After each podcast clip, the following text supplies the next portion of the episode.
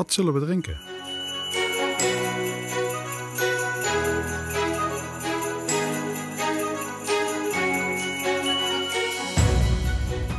Hey allemaal, welkom bij weer een aflevering van Wat zullen we drinken? Een podcast waarin we niet alleen bieren bespreken met een goed verhaal, maar ook het leven vieren in al zijn facetten. Ik ben jouw podcastlijn Bas en vandaag hebben we weer een vers getapte aflevering voor je klaarstaan. Samen tellen we af naar kerst. Dus pak het bier van de aflevering uit het vakje, ga lekker zitten en laten we samen het leven een beetje mooier maken. Proost!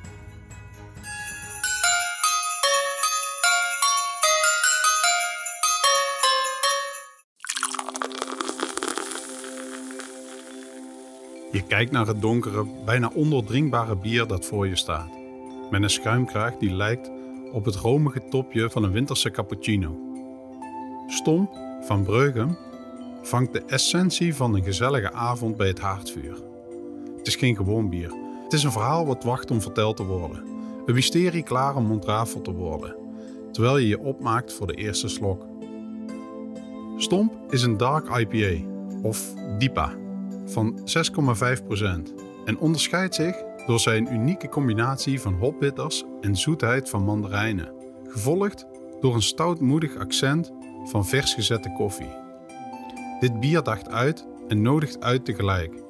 Het is een complexe puzzel waar contrasten tussen licht en donker, zoet en bitter perfect elkaar aanvullen. Wil je dieper in de wereld van Breugem duiken? Luister dan zeker eens naar aflevering 17, waar we het verhaal achter de brouwerij onthullen. De geschiedenis van de Dark IPA is als een verborgen hoofdstuk in een groot bierboek.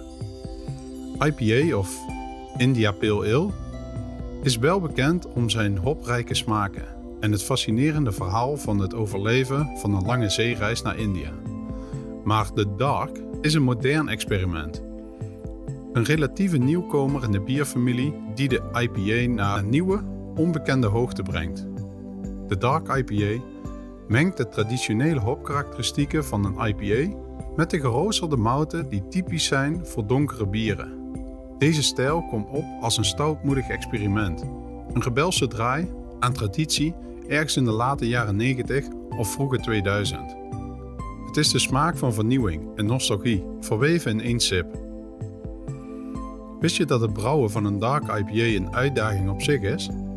De kunst is om de bitterheid van de hop in balans te brengen met de zoetheid, vaak chocolade- of karamelachtige tonen, van de geroosterde mouten, zonder dat een van beide overheerst.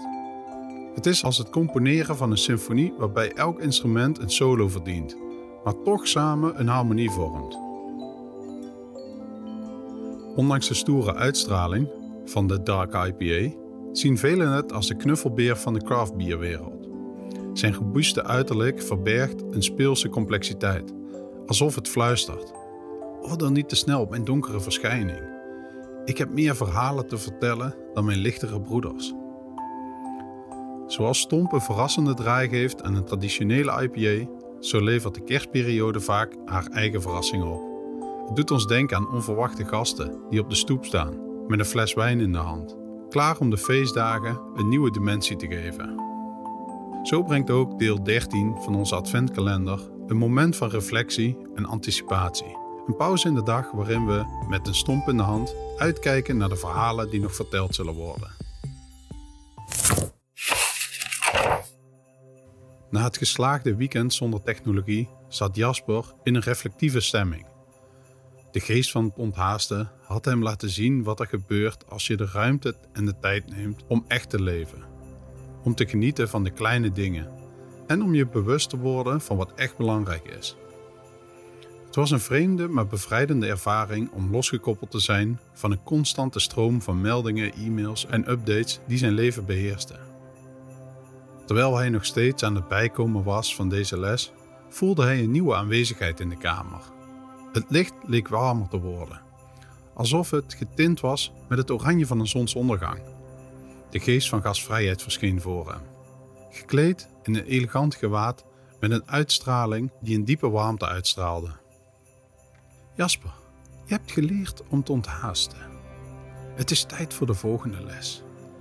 De schoonheid van gastvrijheid, sprak de geest, haar stem zo hartelijk dat Jasper zich ogenblikkelijk op zijn gemak voelde. Jasper slikte.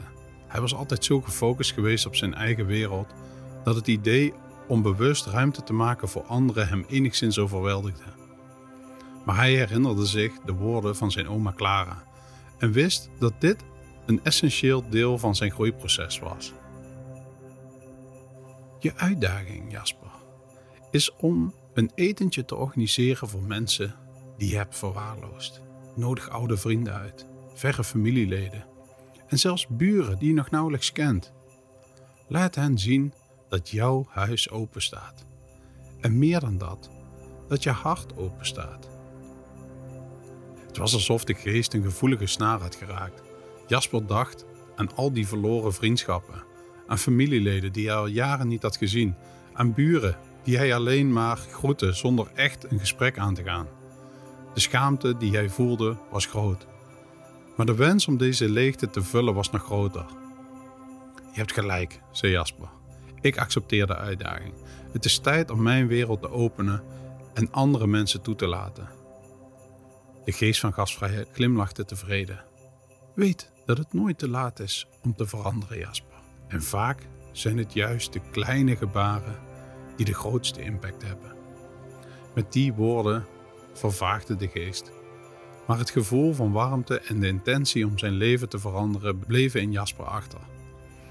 Hij wist dat de komende dagen gevuld zijn met voorbereidingen, uitnodigingen en misschien een beetje nervositeit.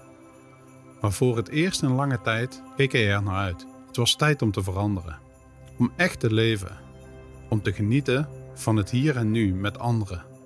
En dat gaf hem een diep gevoel van dankbaarheid en verwachting.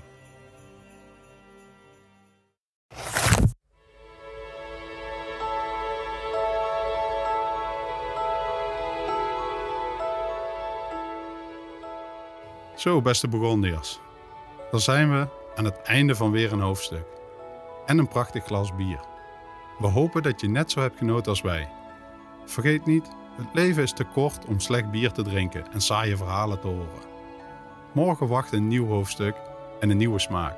Maar voor nu, proost op het goede leven. En tot de volgende Wat zullen we drinken aflevering.